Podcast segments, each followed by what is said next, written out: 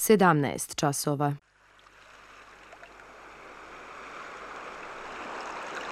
Radio Televizija Srbije. Radio Beograd 2.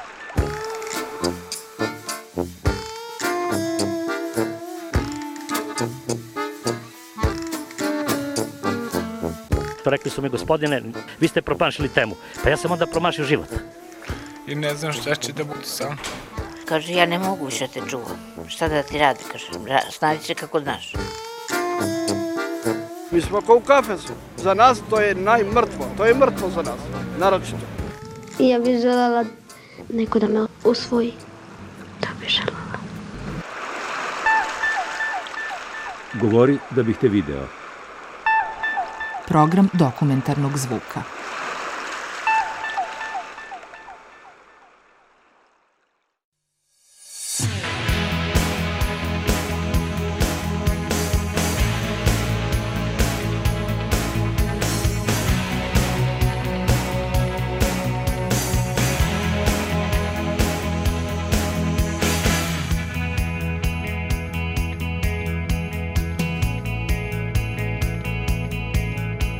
Danijela Rupić. Priče sa istoka.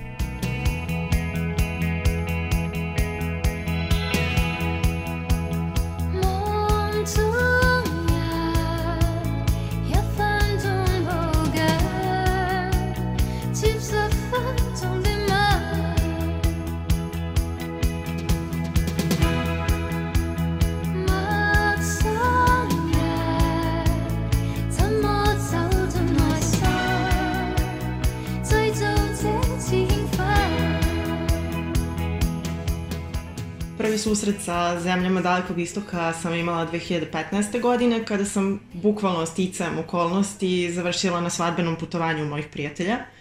I u tom periodu je drugarica radila u aviokompaniji i imali smo ogromne popuste na karte. I znači bukvalno sve tu potpuno slučajno je ovaj, došlo do tog putovanja.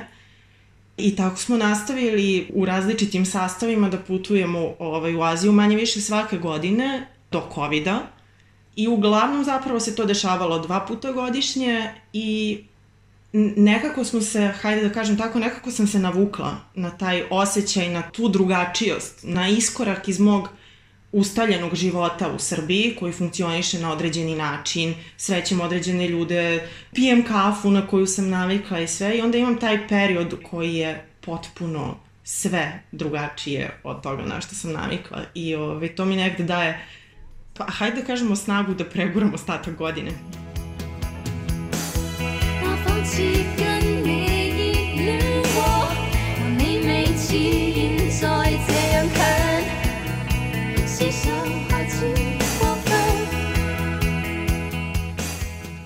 E, moram da priznam za početak da mi nije iste sekunde baš kliknulo. Prvi put sam imala taj kulturni šok koji me očarao recimo, ali to je bila, bio neki odnos između ljubavi i mržnje. Nije to bila ogromna, ogromna ljubav na prvu, zato što je treba, prosto je potrebno vreme za navikavanje, bilo je i meni potrebno. Nekako mo, mora da se zatvori jedno oko i da se ne, ne gleda baš sve na što nismo navikli, jer e, će tako biti lakše. Neke stvari su prosto toliko drugačije da ne mogu tako lako ni da se prihvate. I is- istina je da se puno ljudi neće navići, istina je da ja poznajem ljude koji su bili u tim krajevima i koji kažu da se nikada ne bi vratili, da ovaj, postoje stvari koje ih rastužuju tamo, postoje stvari koje ne mogu da razumeju, koje ne mogu da prihvate, ali ja nisam sigurna kako se sa mnom to vremenom posle tog prvog puta, svakog sledećeg sam se zapravo više osjećala, sve više osjećala kao kod kuće ja mislim da sam ja tamo naučila da se opustim. I da ovaj, je generalno nama iz Evrope možda problem to što ne umemo da isključimo tu neku večitu pristojnost i tu neku pa e, mogu čak da kažem i uštogljenost. Evo recimo plastična situacija. Dogodilo se u Indiji, u hotelu u kojem sam odsedala u New Delhiju.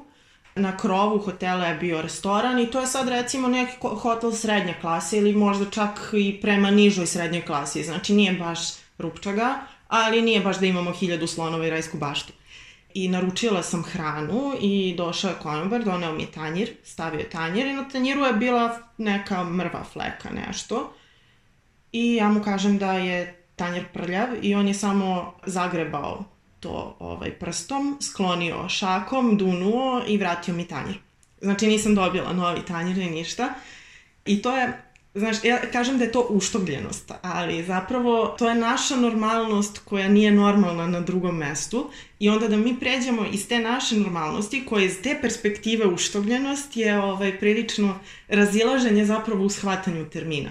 Ili kada, ne znam, jedete street food u, u Bangkoku, I super je, tu su tezge, miriše, prži se nešto, nešto je na roštilju, e, sve tako nepoznato, zabavno i zanimljivo, ali ako dođete nekoliko sati kasnije, vidjet ćete da se sudovi peru u lavorima tu na ulici. Znači, nema tekuće vode, nema u jednom lavoru je sapunica, u drugom je čista voda i potopi se tanjer u jedno i ove viljuške, kašike, sve provuče kroz drugo i to se smatra čistim. Indija je takav udar na sva čula bila da sam ja morala da odlazim u Starbucks u Delhiju, zato što su svi Starbucks i McDonald's isti na celom svetu otprilike. Morala sam da odlazim u te lance koji su mi poznati i samo da sedim pola sata da se smirim. Da budem u poznatom okruženju, da pijem poznatu kafu ili jedem poznatu hranu, samo da ove, se saberem sama sa sobom prosto. Tako da ove, mislim da sam u Indiju možda uletela i nespremna, da mi možda trebao neki malo duži putnički staž za to, jer negde Indija je i to što sam rekla, hiljadu slonova i ovaj, rajske bašte i ljudi koji se voze u jako, jako skupim automobilima, prelepe žene, zlato. To je e, jedna strana. Sa druge strane je nepodnošljivo siromaštvo. Bukvalno nešto što ovaj, je meni i, i neprepričivo koliko je strašno i koliko je tužno. Mislim da nemam reči kojima bih to, ovaj, kojima bih to mogla da, da opišem i sad to su stvari koje zaista dosta ljudi ne može da pređe preko toga, ali mislim da kad uspeju da osjećaj i iskustva koje dobiju budu baš značajna i za ličnost i za generalno odnos prema životu.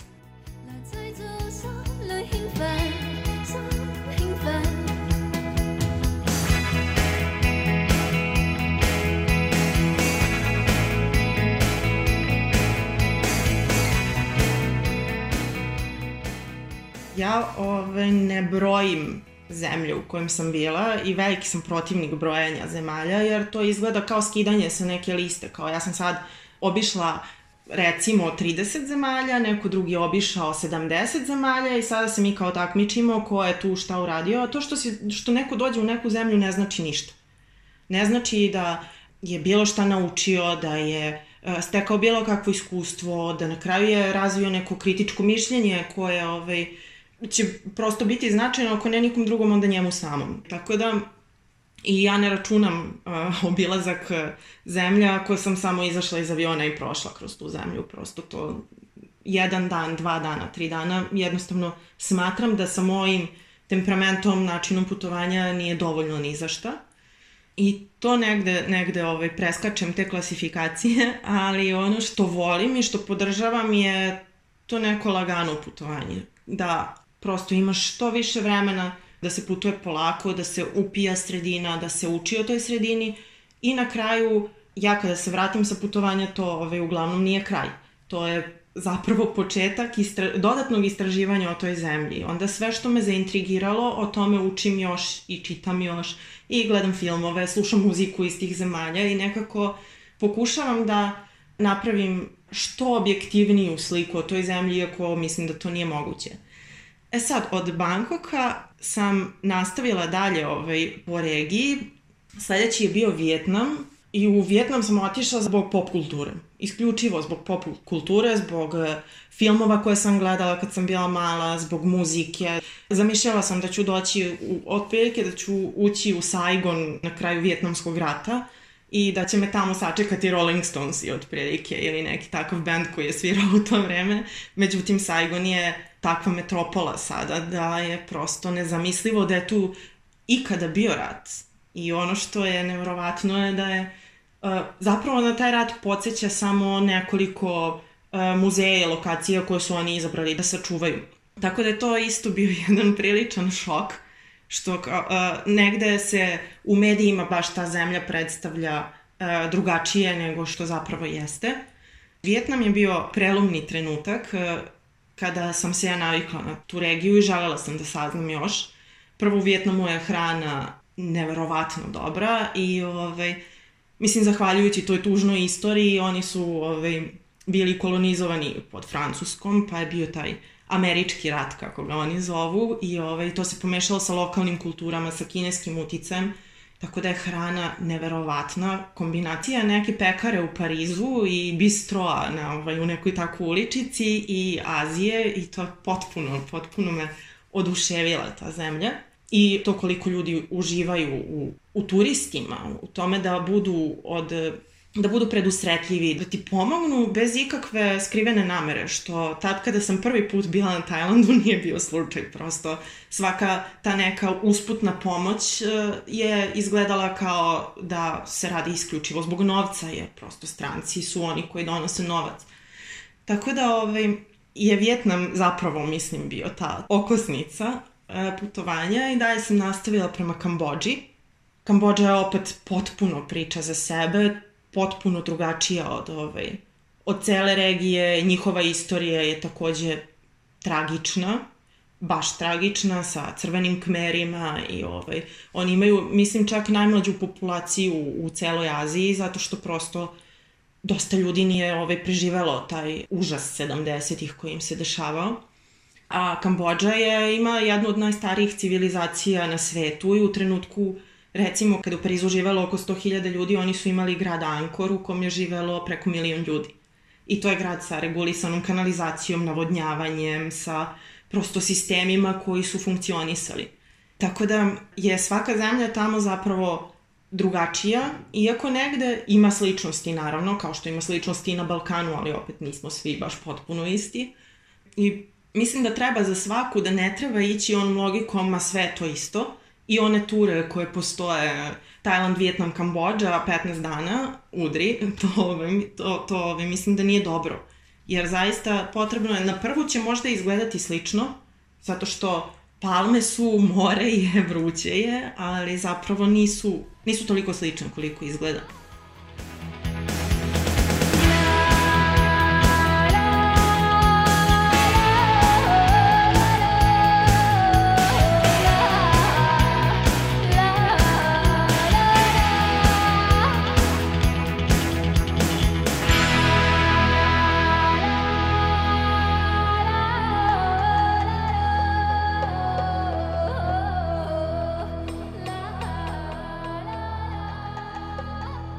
Ne putujem sama i mislim da nisam sigurna da li bih imala hrabrosti da putujem sama, naročito u zemlje poput Indije, jer ovaj, mislim da situacija za žene koje putuju same nije loša kao što je umela da bude ranije, ali iskreno mislim da nije ni dovoljno dobra da bih se osjećala potpuno opušteno i da bih išla na sva mesta na koje sada idem u muškoj pratnji.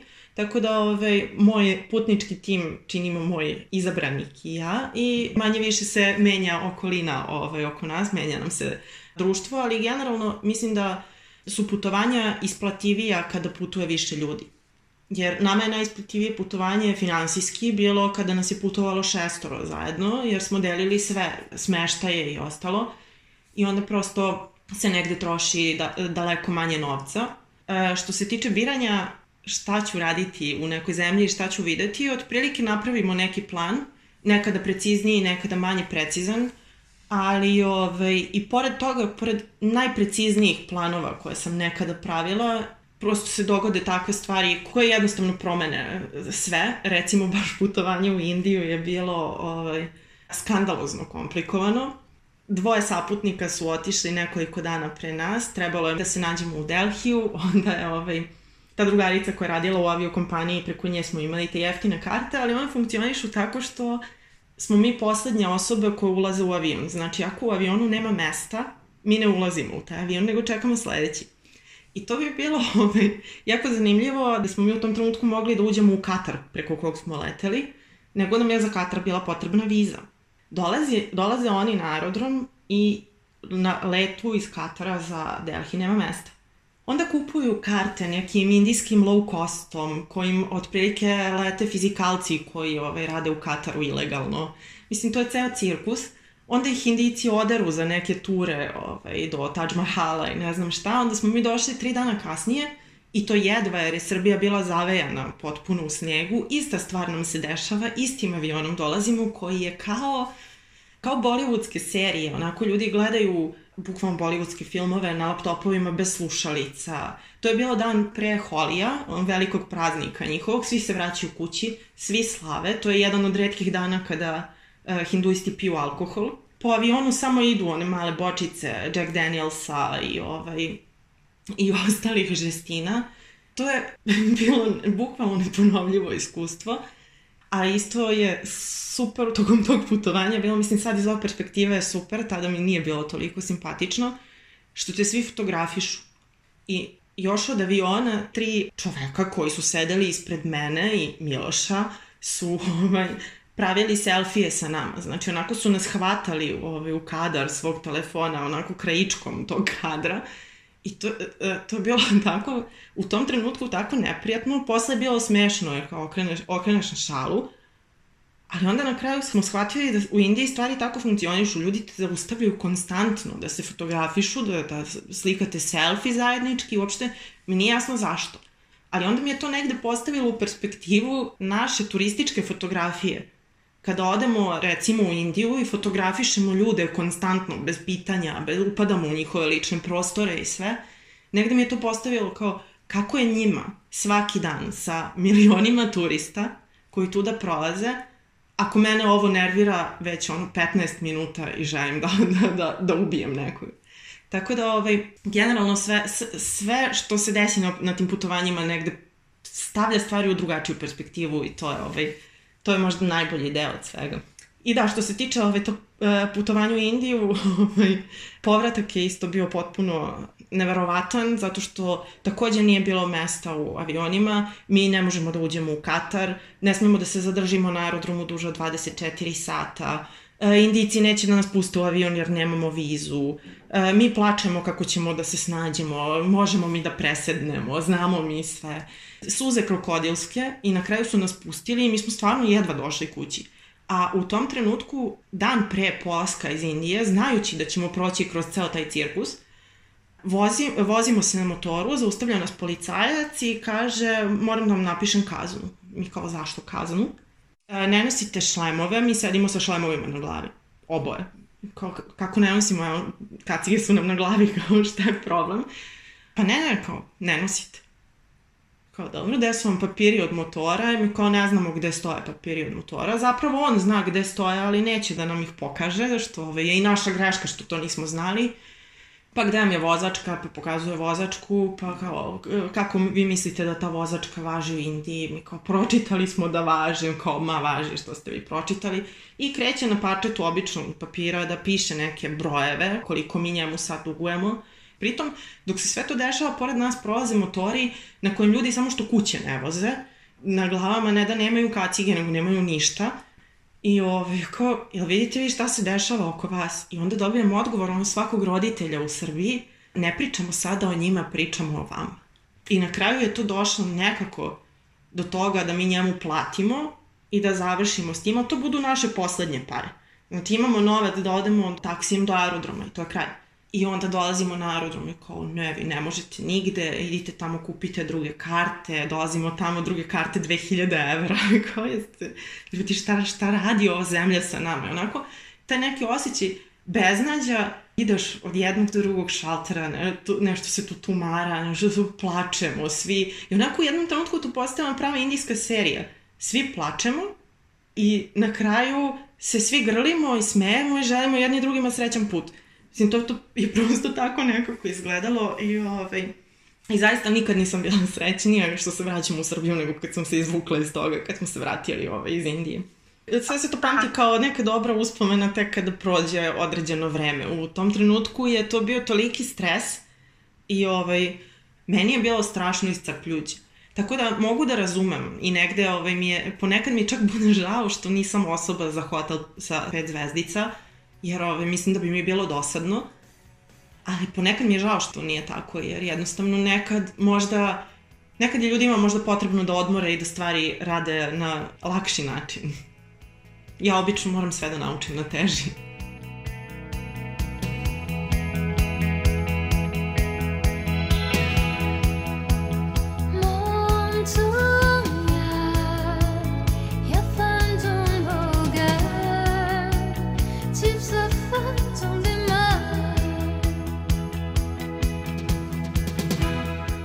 Poslednji put sada 2019. kad sam ovaj, uopšte putovala negde, sam bila i u, u Hong Kongu i to je neki ovaj, trebalo da bude neki ulaz ka Kini otprilike, da vidimo prvo Hong Kong, pa onda da se upustimo u veliku avanturu zvanu Kina. Naravno, presekao nas je COVID, ali Hong Kong je, ovaj, uh, ja sam se toliko zaljubila u Hong Kong da sad apliciram za doktorske studije u Hong Kongu.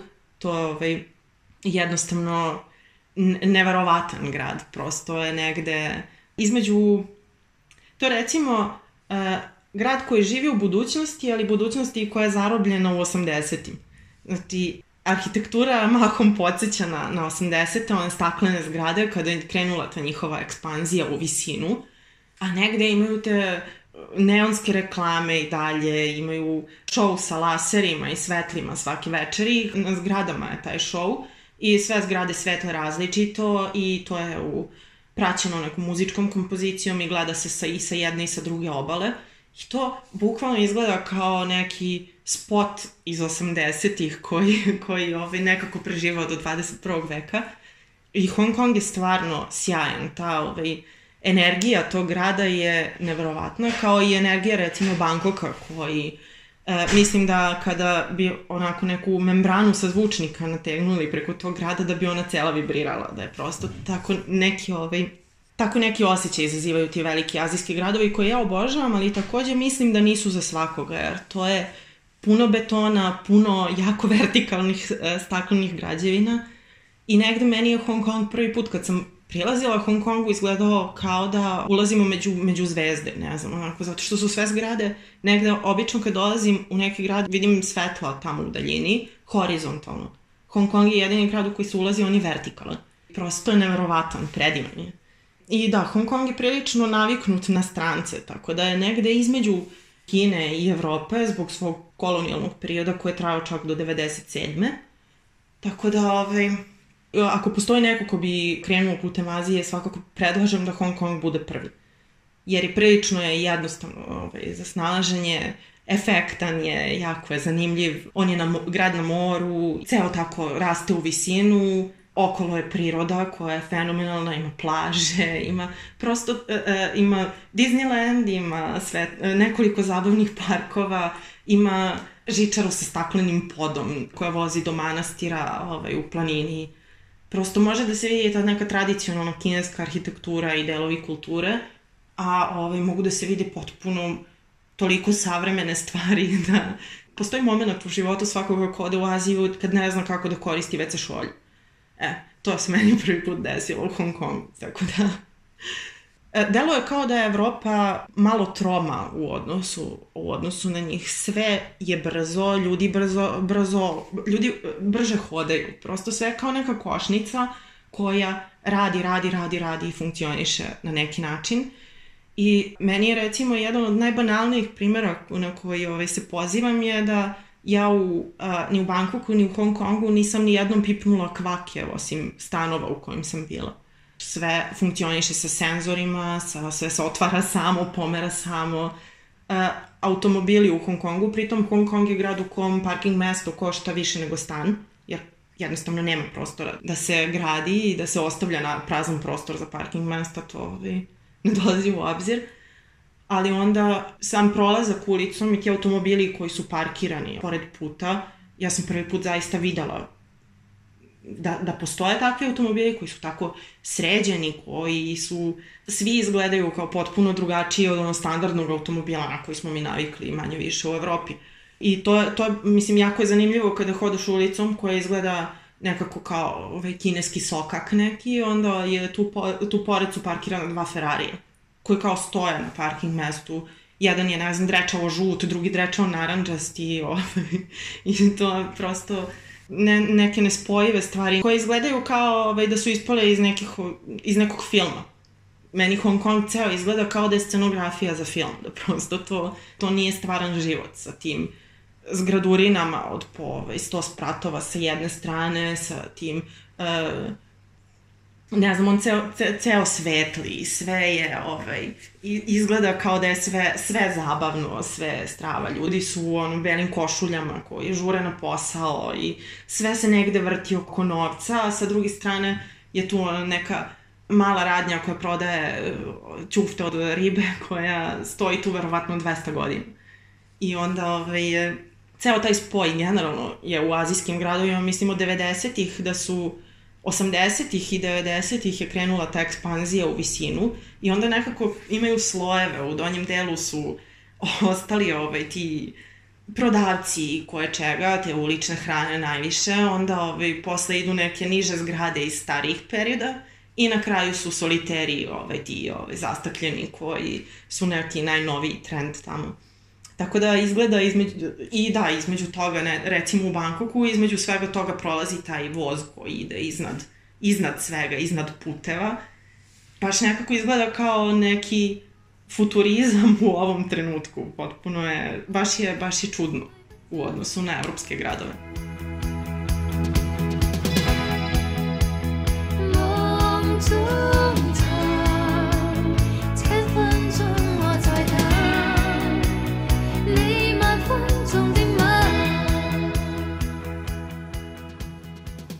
Putovanja u Aziju su zapravo, mislim da sam već pomenula, dosta promenila mene kao ličnost i moj odnos prema svetu i prema ljudima i zapravo su promenila moj odnos prema Srbiji.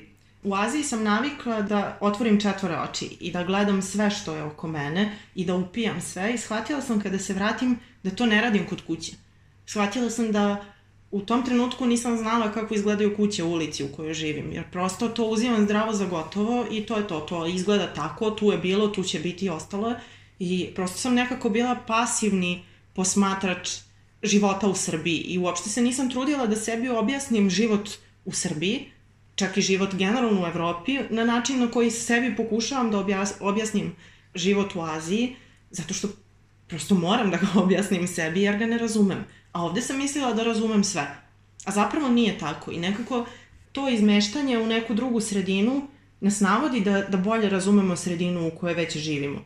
Putovanja, moja putovanja e, ne prestaju u trenutku kada se vratim i ovaj, zapravo tek tada počinje neki, kajde da kažemo, istraživački rad. U smislu da sve sve što, što me iole intrigira, što ne mogu da shvatim, najviše to što ja recimo sa, sa ovaj, sa prvog putovanja na Tajland sam se vratila potpuno zbunjena. Ja nisam mogla da razumem šta se meni dogodilo. Nisam mogla da razumem da na drugom kraju sveta postoji neki život koji je potpuno drugačiji od svega što, što znam. I prosto tada sam toliko ubijala u pojam pričom ljude oko sebe, koji ovaj, više nisu mogli da slušaju moje priče o Tajlandu iznova, iznova, iznova.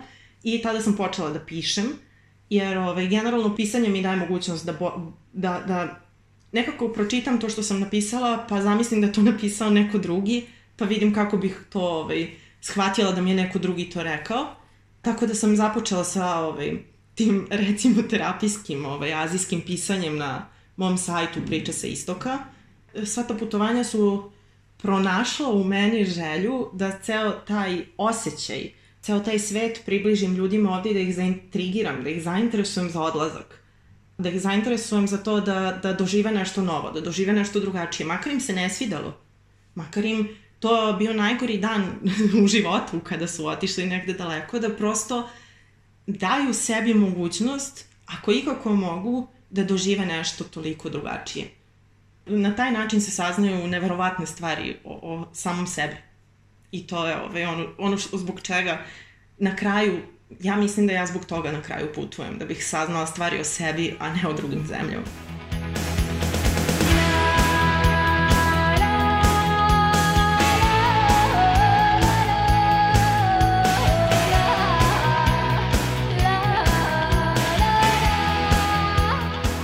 U reportaži Priče sa istoka govorila Danijela Rupić, autor Milena Radić.